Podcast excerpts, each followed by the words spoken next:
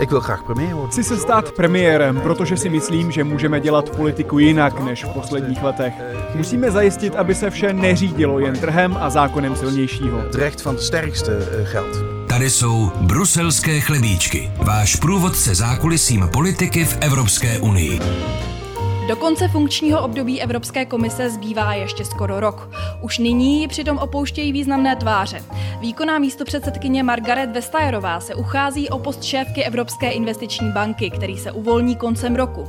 Další výkonný místopředseda, otec Green Dealu Franz Timmermans, zase nedávno oznámil svůj záměr kandidovat v nizozemských volbách a stát se příštím premiérem. Komise má přitom před sebou stále spoustu práce. Evropská unie čelí kromě války na svých hranicích také ochromující inflaci a rostoucí migraci. Znamenají plánované odchody významných tváří narušení stability unijní exekutivy? A jaké úkoly na eurokomisaře ještě do konce volebního období čekají? O tom budou tyto bruselské chlebíčky.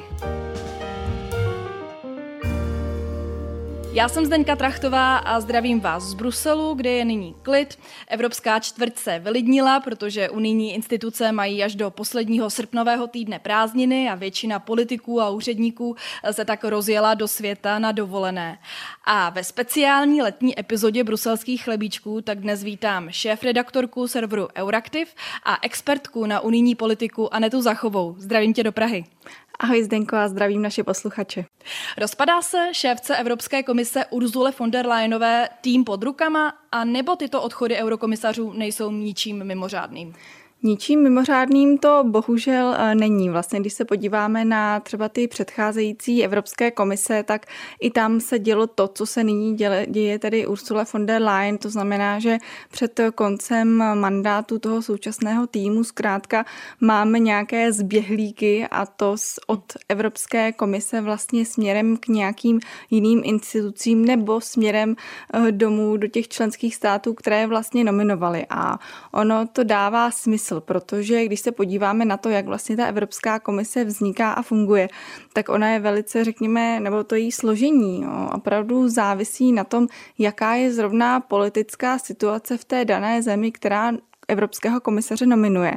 A tím, že zkrátka volby jsou poměrně často, a to nejen řekněme ty řádné, ale velice často se setkáváme s tím, že v těch zemích se konají předčasné volby a pokud ten evropský komisař vlastně ví, že třeba to nastavení politické v té jeho zemi se změnilo a že příští rok uh, už ho ta vláda znovu nenominuje, protože se zkrátka změnilo to politické rozložení a už je tam nějaká nová garnitura, která bude chtít nějakého svého koně do té komise a ví, že nemá šanci se tam znovu dostat, tak zkrátka si vytyčí nějaké jiné priority a ty se mohou tady uh, odehrávat v jiných uh, institucích, uh, takže, takže ten eurokomisař se chce někam, řekněme, kariérně posunout a nebo tedy se pokusí vydobít vlastně nějaký silný mandát u sebe doma v tom svém členském státu a tím, že tedy působil několik let v Bruselu a byl, řekněme, jedním z těch představitelů Evropské unie, tak je to známá osobnost a má jakousi výhodu, když tedy potom vstupuje do těch domácích voleb. A co se ještě děje a co je si myslím úplně nejsmutnější, je, že někteří ti evropští komisaři, nejen tedy ty současní, ale i v předchozích letech si třeba brali dlouhou dovolenou na to, aby se mohli účastnit nějakých domácích politických kampaní.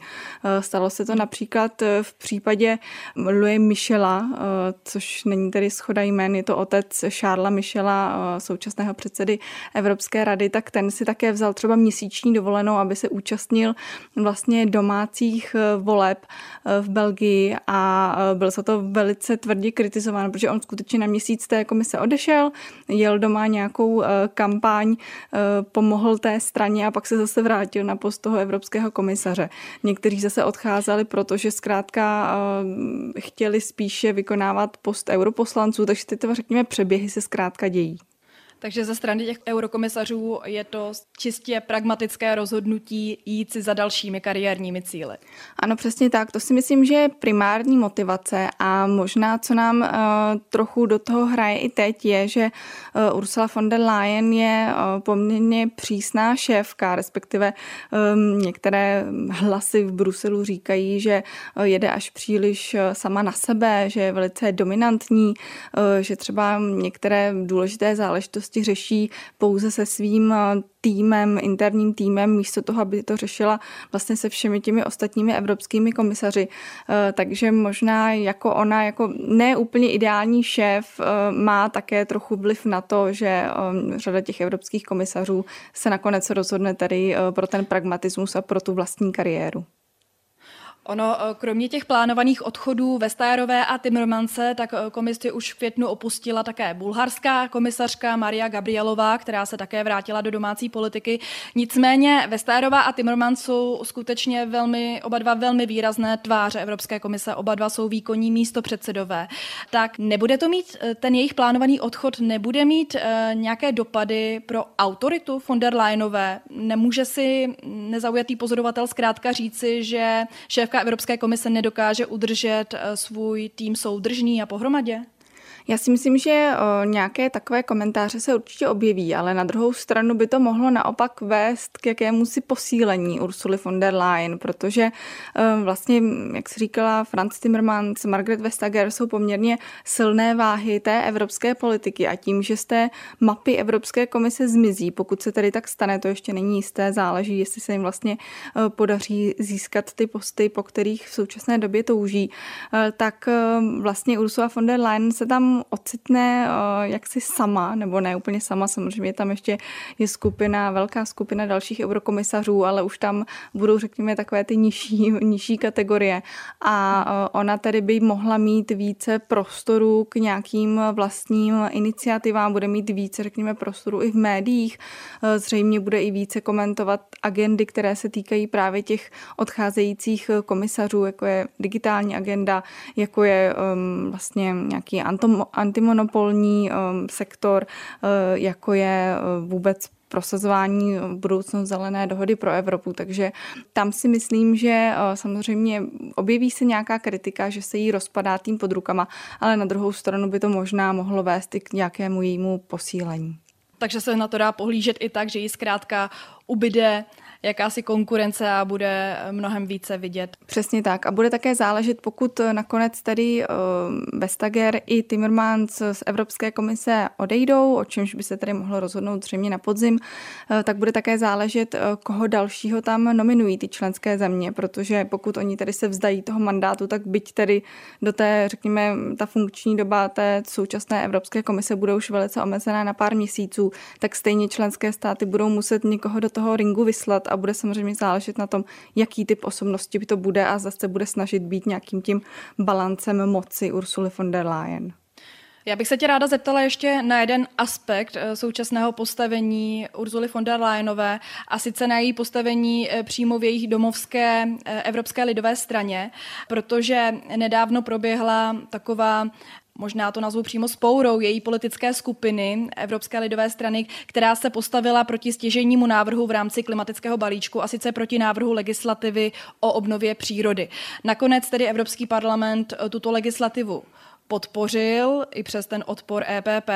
Šéfka Evropské komise se k tomu příliš nevyjadřovala, ale co celá ta záležitost, co to vypovídá o jejím postavení eh, v rámci Evropské lidové strany? Já si myslím, že bude velice zajímavé sledovat, eh, jak se Evropská lidová strana bude vyvíjet dál. Nicméně eh, nemyslím si, že zrovna to hlasování o mm, nařízení obnovy přírody eh, znamená nějaký milník nebo nějaký důležitý bod ve vztahu mezi Ursulou von der Leyen a vlastně tou Evropskou lidovou stranou.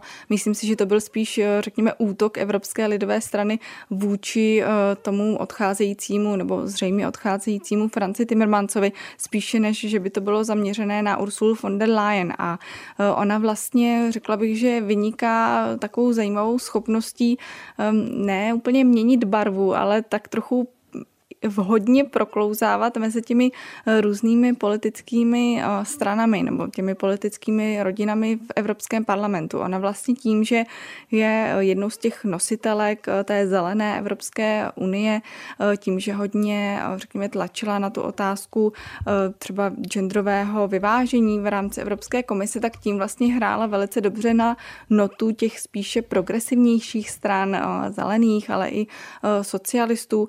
Na druhou stranu pochází tady z té Evropské lidové strany, takže tam by měla mít nějakou přirozenou oporu. Na druhou stranu víme, že si poměrně rozumí i s tím konzervativním křídlem, rozumí si s českým premiérem, s Petrem Fialou. Vypadá to, že má poměrně i dobré vztahy třeba s italskou premiérkou Giorgio Meloni, takže skutečně umí podle mě velice dobře bruslit právě mezi tím politickým naladěním v Evropě a myslím si, že by jí to mohlo pomoct i v těch dalších debatách o její vlastní kariéře. Ono se spekuluje o tom, zda bude von der Leyenová v příštích volbách kandidátkou Evropské lidové strany právě znovu na post eh, šéfky Evropské komise, nebo zda zamíří do vedení NATO. Kdyby směla odhadnout ten další vývoj, eh, kam se její kariérní cesta bude ubírat? Já bych očekávala, že zůstane v Evropské komisi, protože uh, tam bude samozřejmě záležet uh, především na Německu, uh, protože pochází z Německa, musí tedy dostat nominaci od německé vlády. A zatím nám v té německé politice nekrystalizuje žádná tak silná osobnost, která by vlastně dokázala, řekněme, udržet ty otěži tak, jak je drží v současné době ona, aby si dokázala vlastně ta potenciální jiná osobnost v čele Evropské komise eh, právě vydobít tu eh, podporu napříč nejen členskými státy, ale napříč těmi politickými stranami, vlastně o tom, jak jsem mluvila jsem o tom právě před chvilkou.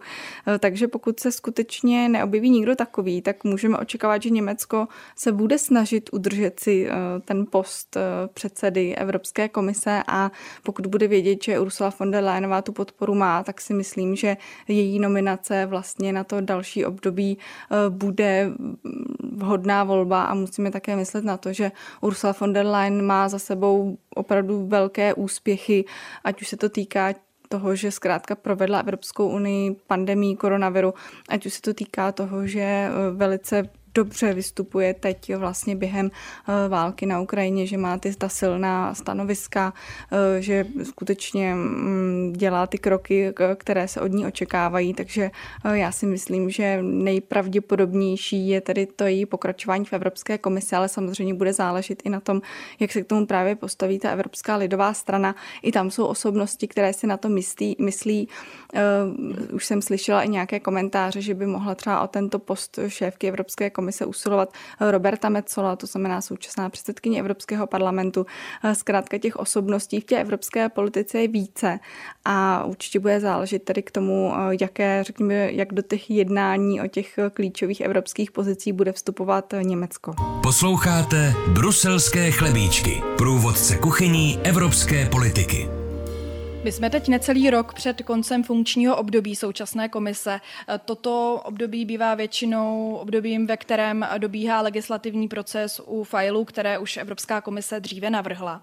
A obvykle se příliš nepočítá s tím, že by komise v posledním roce ještě přicházela se zásadními legislativními návrhy. Platí to i tentokrát? Já si myslím, že ano, že Evropská komise už většinu těch svých nábojů vystřílela. E, týká se to tedy hlavně té e, zelené agendy, což byla skutečně ta největší, řekla bych, priorita Evropské komise, pokud tedy odhlédneme od těch e, nečekaných událostí, které přišly, ať už to ruská agrese nebo pandemie COVID-19, tak zkrátka ten Green Deal se podařil nějakým způsobem posunout výrazně dál i přes všechna tato dění a všechny tyto eh, vlastně neočekávané události. Eh, pokud se podíváme třeba i na ty konkrétní legislativy, tak eh, třeba ten klíčový balíček Fit for 55, to znamená ta legislativa, která má vést k tomu razantnímu 55% snížení emisí do konce této dekády, tak už téměř celý prošel, zbývají tam už jenom asi nějaké dvě, tři legislativy z toho velkého balíku, který se skutečně dotýkal všech částí částí evropské ekonomiky. Takže myslím si, že ty největší iniciativy skutečně už ze strany Evropské komise přišly a zbývají už tam nějaké spíše drobnosti, které je potřeba ještě navrhnout nebo doladit. Ona Evropská komise každý rok uh, vydává svůj legislativní plán na dalších 12 měsíců. Ten letošní plán obsahuje asi 40 nových iniciativ. Uh, nebudeme je tady všechny probírat, ale které jsou z tvého pohledu nejvýznamnější? Myslíš teď eh, ty, co už byly navrženy, nebo ty, co nás ještě čekají? Ty, co nás ještě čekají. Z těch, co nás ještě čekají, tak tam třeba bude zajímavý návrh vodíkové banky. To je taková, řekněme, očekávaná, ehm, očekávaná iniciativa ze strany Evropské komise, protože doteď jsme tady hodně vlastně tlačili to téma elektromobility, baterií, kde na to budeme schánit suroviny a tak podobně. A teď tedy máme ještě tam ten dluh na straně vodíků, to znamená té druhé technologie, která eh, nám tady slibuje nebo má potenciál nám pomoci dekarbonizovat eh, ekonomiku. Eh, takže bych jmenovala například tu, tu vodíkovou banku. Co se týče toho Green Dealu, tak tam vlastně skutečně už toho příliš mnoho nezbývá. Budou se tam řešit ještě například nějaké, řekněme, emise nebo nějaké ozeleňování vozových parků, nějakých, řekněme, společností nebo veřejné zprávy, tak to tam například ještě, ještě zbývá. Potom eh, stále čekáme vlastně na eh, představení eh, takzvaného nějakého balíčku na ochranu demokracie. To je také vlastně jedna z těch očekávaných věcí, ale jinak skutečně už tam nevidím nic nějak extra zásadního, na co celá Evropa čeká, až její Evropská komise představí. Myslím si, že ty skutečně velké věci už jsou v tom pokročilém legislativním procesu. Ty jsi zmínila ten balík na ochranu demokracie, to je legislativa v gestci naší české eurokomisařky Věry Jourové. Ona měla tento balík původně představit už na jaře, ale několikrát se to odkládalo. Na Češ se to nakonec, tuším, že v červnu odložilo na neurčito. Máš nějaké zprávy, proč byla tato důležitá legislativa odložena a má ještě podle tebe šanci na projednání, pokud s ní například Evropská komise přijde v září nebo v říjnu? Podle mých informací to není úplně tak zametené pod koberec a Evropská komise nadále, řekněme, slibuje, že s tím návrhem přijde. Co se tam spozdilo, těžko, těžko hádat, nicméně víme, že tam byly nějaké problematičtější pasáže, se kterými nesouhlasily zejména neziskové organizace, protože vlastně ten balíček je hodně o transparentnosti financování.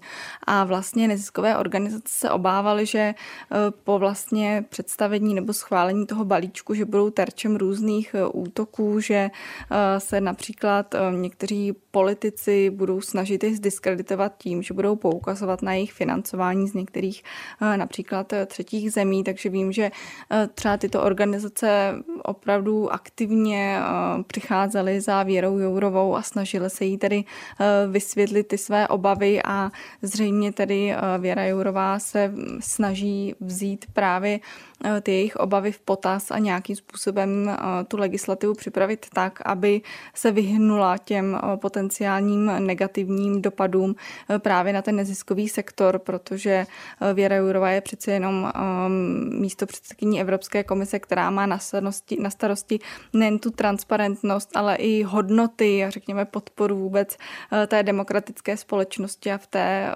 samozřejmě hrají neziskové organizace velkou roli, takže je vidět, že jim chce eh, naslouchat a eh, co jsem eh, sledovala nějaká její jednání právě s těmi zástupci těch neziskových organizací, tak jim někdy ještě v červenci přislíbila, že skutečně ten návrh představí, že teď tedy ještě provádějí nějakou důslednější analýzu dopadů, aby skutečně Evropská komise měla jasno v tom, jak ta legislativa dopadne na různé ty, různé ty sektory a lze tedy očekávat, že možná ještě něco Eh, na podzim tedy skutečně představí. Eh, každopádně neočekávala bych, že to bude něco tak zásadního, jak se o tom třeba z začátku mluvilo, eh, že to bude sice nějaký důraz na transparentnost financování, ale nebude to, řekněme, tak silná legislativa, jak by třeba mohla být, kdyby se jí podařilo navrhnout ještě před těmi letními prázdninami, protože skutečně toho času na schválení už, už není mnoho. Ty jsi mluvila o tom, že ty nejpodstatnější a z tvého pohledu nejdůležitější návrhy už Evropská komise předložila v průběhu svého dosavadního funkčního období, například eh, ten klimatický balíček, migrační reformu a tak dále. Jak důležitou roli hraje jaký si její současný tlak Evropské komise na projednávání této legislativy v dalších unijních orgánech? Já si myslím, že Evropská komise chce mít eh, co nejvíce té práce skutečně dotaženo eh, do toho posledního detailu, mít to všechno schválené, aby si mohl, řekněme, odškrtat eh, ty fajfky a říci, tak tohle jsme splnili, tohle jsme splnili, tohle jsme splnili. Samozřejmě, že jakmile bude končit ten mandát, tak různé organizace, výzkumníci, média, tak budou určitě připravovat různé, řekněme, shrnutí toho, co se podařilo a nepodařilo. Takže skutečně v zájmu té Evropské komise, aby tady se na ní vzpomínalo v dobrém je, aby se to skutečně všechno uzavřelo, ale je pravda, že Evropská komise eh, má, řekněme, omezené schopnosti, eh, co se týče nějakého dohledu nad tím legislativním procesem, protože některé ty legislativy jsou skutečně třeba zablokované na úrovni Rady EU, to znamená mezi členskými státy zkrátka nepanuje žádná schoda a pokud to tak není a Evropská komise jim nemá už, řekněme, co nabídnout na oplátku, tak tam to skutečně může stroskotat a e, Evropská komise se může stavit na hlavu a zkrátka už s těmi třeba členskými státy nehne. Vlastně k něčemu takovému třeba e, došlo v případě e, zdanění energií. Já jsem tady zmiňovala, že vlastně ten balíček Fit for 55, že je skoro celý hotový, ale třeba jedna z věcí, která se vlastně nepodařila uzavřít a země se ani nepodaří, tak je zdanění energií, kdy Evropská komise navrhovala, aby tedy energie energie, ehm, palivo například do aut bylo daněno podle toho, jak je emisně náročné, takže třeba na naftu by byla uvolena velká daň, zatímco na elektřinu velice nízká daň. A toto skutečně eh, je zablokované jak na úrovni Evropského parlamentu, tak i na úrovni členských států a nemyslím si, že se to podaří eh, do konce toho funkčního období nějakým způsobem prolomit, i když třeba ta Evropská komise se o to bude velice snažit. Ona Evropská komise si při nástupu do funkce v roce 2019 stanovila šest priorit pro to své pětileté funkční období.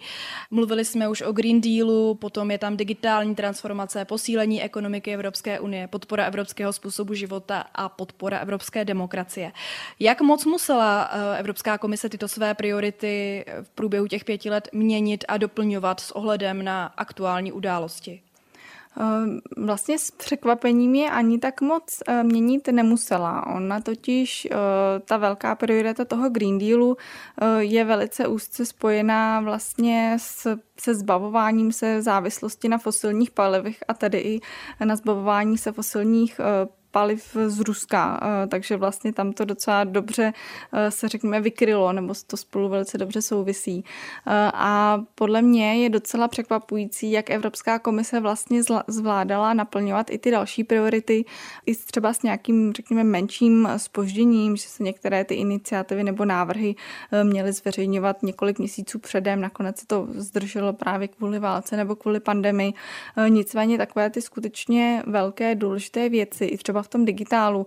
Eh, vlastně teď nám tady nabíhá plně ve funkčnost eh, ta legislativa, která má vlastně omezit eh, roli a tu dominanci těch velkých internetových platform. Tak vlastně to všechno se podařilo nejen schválit, ale to všechno už nám skutečně začíná platit i v té reálné praxi.